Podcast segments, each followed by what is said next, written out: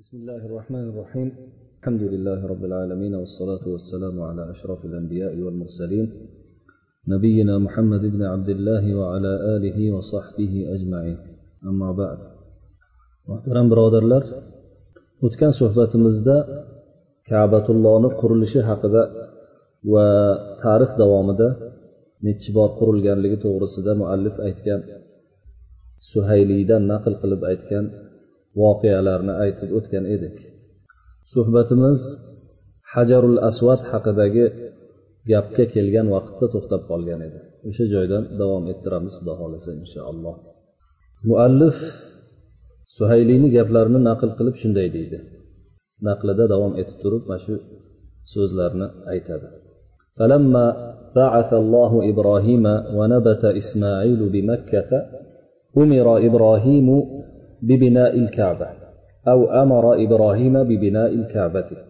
فدلته عليه السكينة وظللت له على موضع البيت. فلما بلغ إبراهيم الركن جاءه جبريل بالحجر الأسود من جوف أبي قبيس. alloh subhanahu va taolo ibrohim alayhissalomni payg'ambar qilib yuborganidan keyin va ismoil alayhissalom makkada o'sib unib ulg'ayib boshlaganlaridan keyin alloh subhanahu va taolo bir kuni ibrohim alayhissalomga kabani qurishni buyurdi. Kabani joyi yo'q bo'lib ketgan edi ibrohim alayhissalomni davrlarida unga keyin sakina joyini ko'rsatdi deyilyapti deb aytyapti. Bu o'sha ilgargi rivoyatlarda kelgan tarix rivoyatlarida kelgan ismlardan biri bo'lib buni ba'zilar farishtalardan biri deyishgan ba'zilar jibril alayhissalomni o'zi degan. Xullas u kishiga kabatullohni ilgarigi odam alayhissalomni o'g'illari qurgan vaqtdagi joyi ko'rsatildi. Ko'rsatildida o'sha joy soya qilib turildi. Ibrohim alayhissalom rukunga ya'ni hajarul asvadni qo'yiladigan burchakka yetib kelganlarida ibrohim alayhissalom e, jibril alayhissalom jabroil alayhissalom u kishiga hajarul asvadni abu qubays tog'ining qornidan o'rtasidan olib kelib berdi degan rivoyatni keltiradi. Shu o'rinda abu qubays tog'i to'g'risida biroz ma'lumot berib o'tganimiz yaxshi bo'ladi. Abu qubays tog'i masjidil haromni sharqida joylashgan bo'lib kabaga o'sha sharq tomonidan engashib qarab turadigan tog' hisoblanadi. Safo tog'ini safo degan tepalikni o'z ichiga olgan tog' hisoblanadi. Ya'ni kabatullohni shundoqqina biqinida bo'lgan tog' sad va sheba ali degan tog'larini orasida joylashgan tog' deydi. Kabatulloh makkatul mukarramada tog'lar juda ko'p. Handama degan tog'lar silsilasini davomi hisoblanadi deb aytishadi. Ulamolarni ba'zilarini aytishiga qaraganda o'sha abu qubays tog'i eng martabali ulug' tog'lardan bo'lgan hisoblanadi deydi. Chunki kabatullohga yaqin bo'lgan tog' o'sha yaqinlik ulug' narsaga yaqin bo'lgan tog' o'sha yaqinlik jihatidan ulug'likni ulug'lik unga ham o'tgan deydi. Buni ustiga ba'zi ulamolar bayhaqiy imom bayhaqiy rivoyat qilgan hadisni dalil keltirishib hajarul asvad to'fonda nuh alayhissalomni to'foniga uchraganda shu jabali abu qubays ya'ni abu qubays tog'ini ichiga joylashtirilgan allohni amri bilan ichiga joylashtirilgan bo'ladida keyin jabroil alayhissalom mana hozir e, muallif naql qilganidek o'sha joydan ibrohim alayhissalomga olib kelib beradi. Deydi. Ibrohim bayhaqiy rivoyat qilgan hadisda payg'ambarimiz sollallohu alayhi vasallamdan naql qilib ibn abbos roziyallohu anhuni hadislariga ko'ra aytadi yerdagi birinchi bo'lib qo'yilgan yer yaralayotgan vaqtda birinchi bo'lib qo'yilgan joy ham ollohni uyini ya'ni kabatullohni o'rni bo'lib keyin undan yer qolgan joylari yaratilgan degan bir rivoyatni keltirishadi. Bu rivoyatni sihhatini men hozircha bilmayman. Imom bayhaqiyni rivoyatlarini ham ba'zilar zaif rivoyat deyishadi lekin men buni hozir rivoyatini sihhatini hozircha bilolmadim. Demak jabroil alayhissalom ibrohim alayhissalomga o'sha rukunga yetganlarida abu qubays tog'idan hajarul asvadni olib kelib beradi.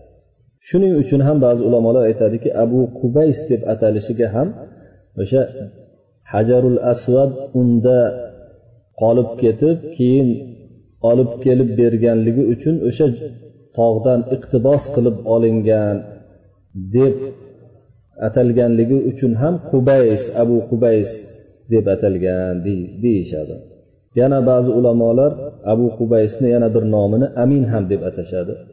Shu hajarul asvad necha yillar davomida nuh alayhissalomni to'fonidan tortib to ibrohim alayhissalom kelgunlaricha hajarul asvadni saqlab turgan omonatli tog' bo'lganligi uchun amin ham deyishadi ba'zi ulamolar keyin muallif ushbu rivoyatni naql qilyapti وروى الترمذي عن ابن عباس رضي الله عنهما عن النبي صلى الله عليه وسلم قال أنزل الحجر من الجنة أشد بياضا من اللبن فسودته خطايا بني آدم imom termiziy imom termiziy ibn abbos roziyallohu anhudan rivoyat qilishlaricha payg'ambar sallallohu alayhi vasallamdan ibn abbos rivoyat qilib aytadilarki payg'ambar sallallohu alayhi vasallam shunday dedilar hajarul asvad jannatdan tushirildi sutdan ham oq bo'lgan holda buni banu odam ya'ni odam farzandlarini gunohlari qoraytirib yubordi degan rivoyatni keltiradilar. Ushbu rivoyat to'g'risida biroz to'xtab o'tsak yaxshi bo'ladi. Imom termiziy ushbu rivoyatni qilganlaridan keyin keltirganlaridan keyin o'zlarini jomelarida sunanlarida aytadilarki hadis ibn abbasin hada hadisun hasanun sahih.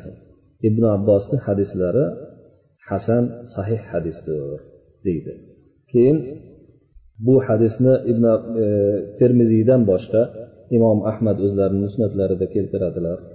Undan tashqari yana boshqa mo'tabar kitoblarda ham rivoyatlari kelgan. Lekin bu yerda bitta aytib o'tiladigan gap payg'ambarimiz sollallohu alayhi vasallamni hajarul asvad jannatdandir jannatdan tushirilgandir degan qismi shu so'zlari sahih rivoyat hisoblanadi. Qolgan qismi esa ya'ni oppoq sutdan ko'ra oqroq edi oppoqroq edi keyin banu odamni odam alayhissalomni gunohlari uni qoraytirib yubordi degan qismini imom ahmad rivoyat qilayotib aytadilarki ato ibn soib said ibn jubayrdan bu rivoyat to'g'risida aytmaydilaru. Umuman bir ato ibn soib to'g'risida gap ketganda aytadilarki ato ibn soib said ibn jubayr imomdan ya'ni abdulloh ibn abbosni shogirdlari said ibn jubayrdan ba'zi narsalarni rivoyat qilib qo'yganlar o'shani ilgari marfu holda rivoyat qilmasdilar. Ya'ni ibn abbosdan rivoyat qilayotgan hadislari gohida ilgari said ibn jubayrdan aytib yurardilaru keyin ibn abbosdan aytadigan bo'lib qoldilar deydi tarixchilarni aytishicha ato ibn soib roviy oxirgi umrlarini oxirgi paytlarida payg'ambarimiz sollallohu alayhi vasallamni gaplarini aytdim deb o'ylab hazrati ibn abbosni said ibn jubayrni o'zlari aytgan gaplarini ham payg'ambarimiz sollallohu alayhi vasallamni gaplarini aytdim deb yuborib ulamolar buni ixtilof deyishadi. Ixtilof uchrab qolganlar ya'ni hayollari sal qochadigan bo'lib qolgan. Ko'p ulamolarni aytishlaricha shu ato ibn soibni rivoyatini qilgan odam hozirgi mana shu hadisda hammod ibn salama bo'ladilar. Hammod ibn salama ato ibn soibdan shu shu kasalga uchraganlaridan keyin rivoyat qilganlar deyishadi. Boshqa hajarul asvad jannatdan tushgan degan rivoyatni qilgan boshqa roviylar ushbu ziyodani aytishmagan payg'ambarimiz sollallohu alayhi vasallamni so'zlaridan deb. Mana imom nasoiyni o'zlarini kitoblarida kelgan hadislarida hammod ibn salamadan xuddi shu isnod bilan kelyaptiyu lekin ato ibn soibdan bo'lmaganligi uchun hammod ibn salamadan hajarul asvad minal janna degan joyigacha rivoyat qilingan jannatdandir degan joyigacha rivoyat qilingan. Undan tashqari imom taboroniy o'zlarini kabir e, mojamil kabir kitoblarida ham shu narsaga mos rivoyatni qilganlar. Undan tashqari hazrat anas ibn molikdan xuddi shu rivoyatga mos bo'lgan hajarul asvad minal janna al hajarul asvad minal janna jannatdandir hajarul asvad degan rivoyat sahih rivoyat kelgan. Ushbu tepadagi qismiga shohid bo'la oladi guvoh bo'la oladigan rivoyat kelgan. Ibn abbor e, ibn umar roziyallohu anhudan ham boshqa bir rivoyat kelgan. Bu rivoyatga hali keyinroq to'xtalamiz. Demak xulosa payg'ambarimiz sollallohu alayhi vasallamni o'sha hajarul asvad jannatdan tushirildi degan so'zlari inshaalloh sahih rivoyat hisoblanadi. Lekin qolgan ziyoda qo'shimchasi ba'zi zaifliklari bor shuning uchun ham bunda to'xtab turiladi degan ulamolar ham ba'zi ulamolar buni ham e, sihhatiga ta'sir qilmaydigan darajada bo'lgan deb sihhatini qabul qilishib olaveradigan ulamolar ham bor keyin ikkinchi rivoyatga o'tadi muallif aytadiki عن عبد الله بن عمرو أن الركن اليمان أن الركن الأسود والركن اليمانية ياقوتتان من الجنة ولولا ما طمس من نورهما لأضاءتا ما بين المشرق والمغرب yana imom termiziy o'zlarini sunanlarida zikr qiladilarki abdulloh ibn amr roziyallohu anhudan hajarul asvad bilan rukni yamoniy jannatdan bo'lgan ikkita yoqut tosh edi ularni nuri o'chirib qo'yilmaganida mashriq bilan mag'ribni o'rtasini yoritib turgan bo'lar edi degan rivoyatni keltiradilar imom termiziy ham o'zlarini jomelarida boya aytganimizdek keltirganlar bu hadisni imom ahmad o'zlarini musnatlarida keltirib o'tadilar. Bu hadis to'g'risida ham biroz to'xtab o'tishimiz kerak. Abdulloh ibn amirdan rivoyat qilinyapti. Shu yerda muallif abdulloh ibn amirdan rivoyat qilinadiki deb payg'ambar sallallohu alayhi vasallamni aytmasdan abdulloh ibn amirni gaplari qilib aytib o'tib ketyaptilar. Mana shu yerda shunaqa qilib aytib o'tib ketganlar. Shu so'z haqiqatga yaqinroq isnodda ham mana shu so'zni to'g'ri ekanligiga hozir guvohi bo'lamiz. Imom termiziy esa buni ham payg'ambar sallallohu alayhi vasallamga nisbat berib rivoyat qilganlar. Imom ahmad ibn hambalni musnatlarida ham xuddi shu rivoyat kelgan. Rajo abu yahyo degan kishi musofi ibn shaybadan rivoyat qilinadi. Musofi ibn shayba degan kishi esa tobiiy abdulloh ibn amr roziyallohu anhudan rivoyat qiladi.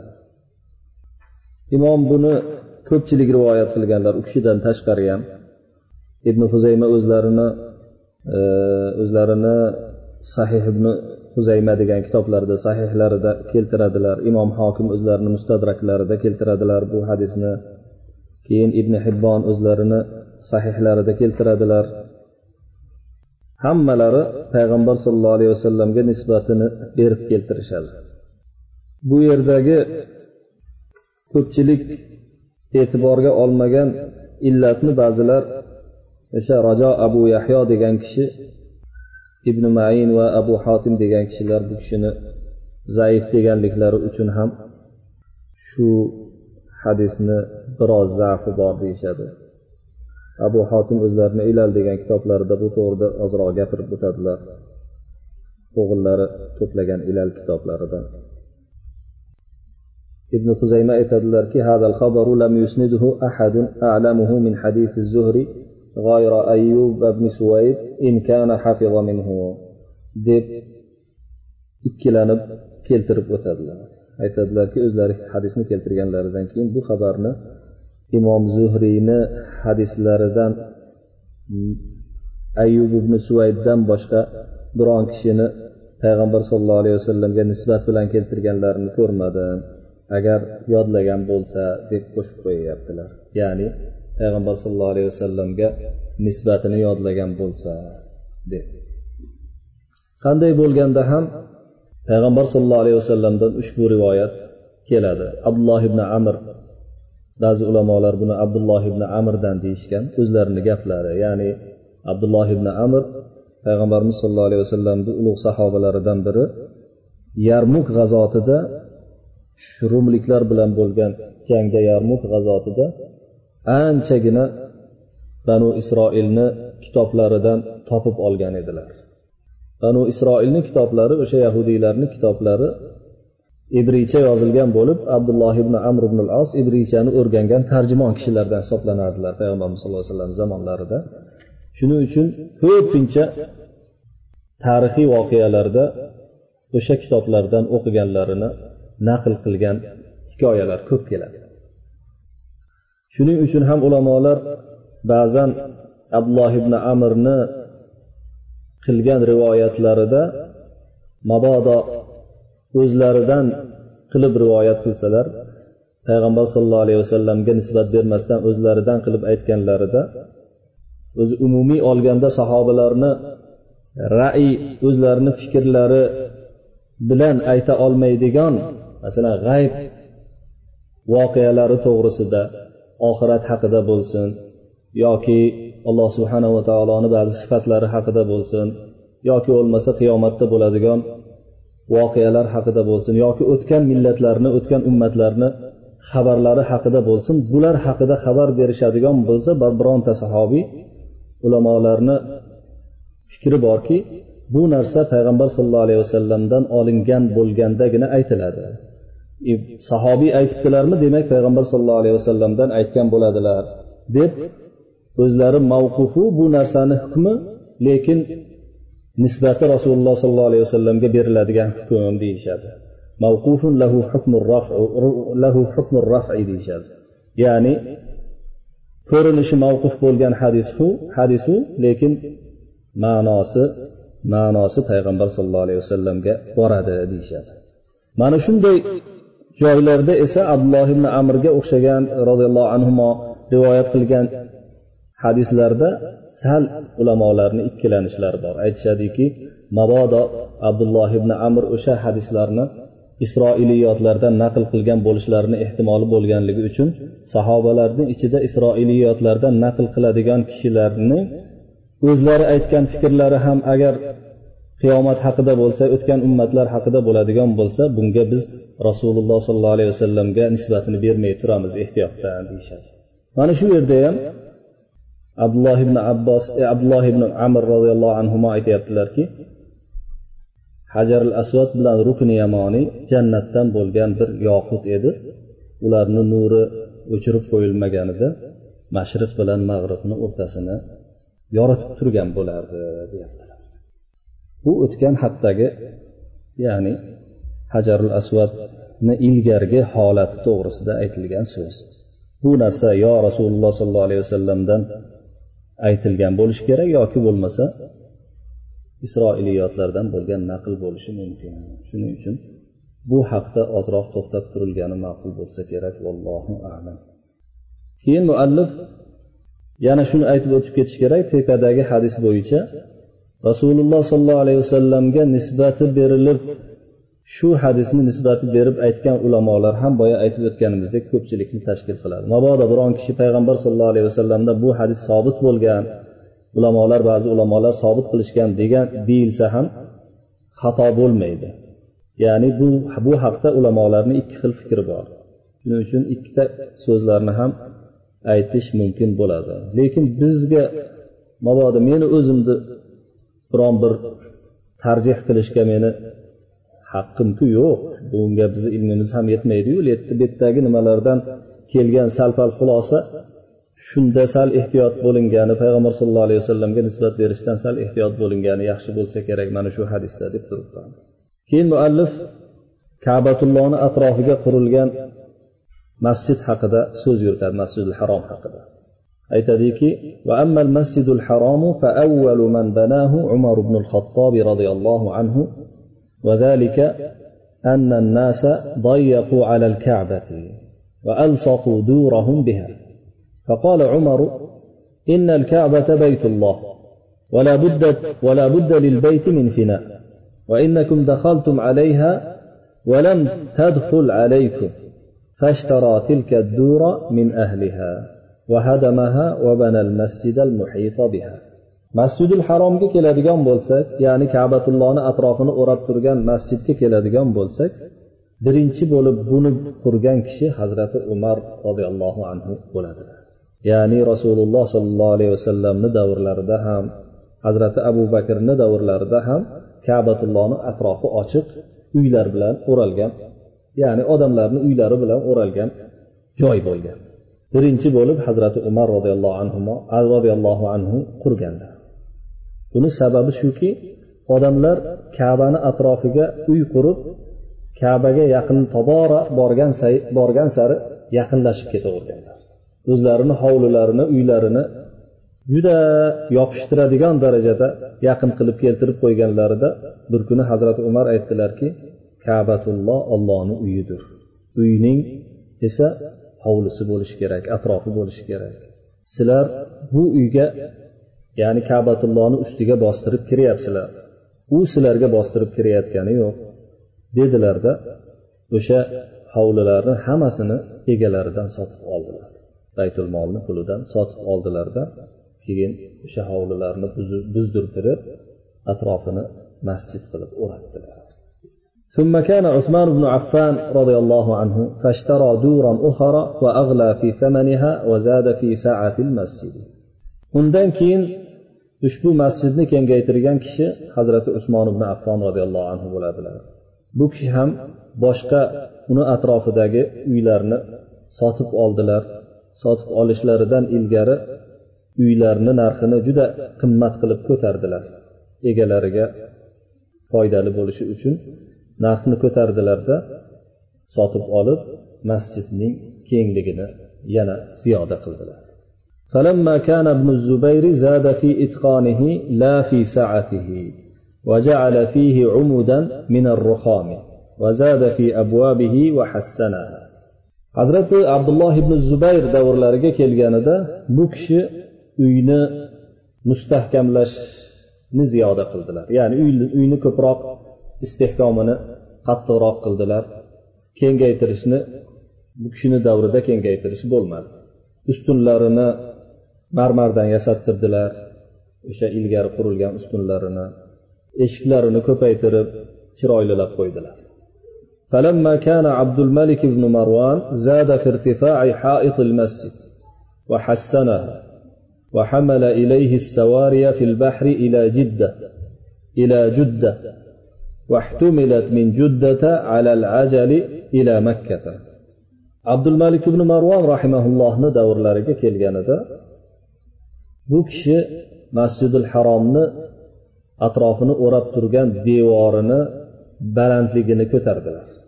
Zeb berdilar bu devorga. Keyin dengizda u jiddaga keltirilgan ba'zi bir katta katta ustunlarni olib keltirdilarda jiddadan makkaga aravada torttirib ko'tartirib olib keldilar. Va amaral hajjaj ibn yusuf hajjoj ibn yusufga buyurtirib kabatullohga ipak yopinchiq yasatdilar وكان ابن الزبير كساها الديباج قبل الحجاج ذكره الزبير بن بكر عبد الله بن الزبير ham hajjojdan ilgari kabatullohni ipak bilan ipak yopinchiq bilan o'raganligini ilgari aytib o'tgan edik buni tarixchi zubayr ibn bakkor degan tarixchi aytib o'tadilar ثم كان الوليد بن عبد الملك فزاد في حليها keyin xalifa valid ibn abdul malik kabatullohga ya'ni masjidil haromga e'tibor berganlardan bo'ldi kabatullohni o'sha yopinchig'ini ziynatliroq qilib qo'ydi bu odam فلما كان أبو جعفر المنصور وابنه محمد المهدي زاد أيضا في إتقان المسجد وتحسين هيئته انتهى كلام السهيلي ملخصا أبو جعفر المنصور xalifa abu jafar al mansurni davriga kelganida ya'ni abu jafar al mansur abbosiylarni dastlabki xalifalaridan hisoblanadi abbosiylar davriga kelib ham va uni o'g'li abu jafar al mansurni o'g'li muhammad al mahdiyni davriga kelib ham bu ikkalalari masjidil haromni e, mustahkamlashda istehkomini ziyoda qilishda qatnashdilar. Buni hay'atini ko'rinishini chiroyli qilishda qatnashdilar deydi imomi suhayliy rahimaulloh keyin muallif payg'ambar sollallohu alayhi vasallamning qirq yoshga yetganlarida alloh subhanahu va taolo u kishini butun olamga payg'ambar qilib yuborganliklari to'g'risida ozgina gapirib o'tadilarda keyin johiliyat haqida rasululloh sollallohu alayhi vasallamni payg'ambarliklari kelishlaridan oldin johiliyat haqida nimalar bo'lganligini aytib o'tishga tushadilar muallif aytadiki ولما بلغ رسول الله صلى الله عليه وسلم أربعين سنة بعثه الله بشيرا ونذيرا وداعيا إلى الله بإذنه وسراجا منيرا إلى الأسود والأحمر ناسخا بشريعته جميع شرائع الأنبياء قبله ونذكر قبل ذلك شيئا من أمور الجاهلية وما كانوا عليه قبل مبعثه رسول الله صلى الله عليه وسلم qirq yoshga yetganlarida alloh subhanahu va taolo u kishini yaxshilik xabari bilan xush xabar tarqatuvchi qilib bo'yin sunmagan bo'yin sunmaganlarga yomonlik xabarini tarqatuvchi ogohlantiruvchi qilib ollohni diniga alloh subhanahu va taoloni o'ziga ollohni izni bilan da'vatchi qilib doi qilib hamda nurli bir chiroq qilib payg'ambar qilib jo'natdi. Bu payg'ambar qilib jo'natilishi u kishini jo'natilishi barchaga qoraga ham qizilga ham barcha bashariyatga bo'ldi. Ushbu payg'ambarlik bilan u kishini shariatlari orqali o'z o'zlaridan ilgari oldingi o'tgan barcha payg'ambarlarni shariatlarini hammasini nasx qilib hukmini bekor qilib keldilar. Payg'ambar sollallohu alayhi vasallamni payg'ambarliklarini boshlanishini gapirishdan ilgari johiliyat ishlaridan bir qanchasini biz sanab o'tmasak bo'lmaydi. Johiliylar rasululloh sollallohu alayhi vasallamni payg'ambar bo'lib kelishlaridan oldin nimada o'tganliklarini nimalar ish qilganliklarini aytib o'tib ketishimiz bu yerda lozimdir deydi muallif. Endi bu kishini johiliyat haqida aytadigan so'zlari ancha cho'zilib ketadiganligi uchun keyingi suhbatga qoldiramiz. Suhbat shu yerga ketgan kelgan kelganida biz sizlar bilan xayrlashamiz va sallallohu vasallama va baraka ala nabiyina muhammad va ala alihi va sahbihi ajmain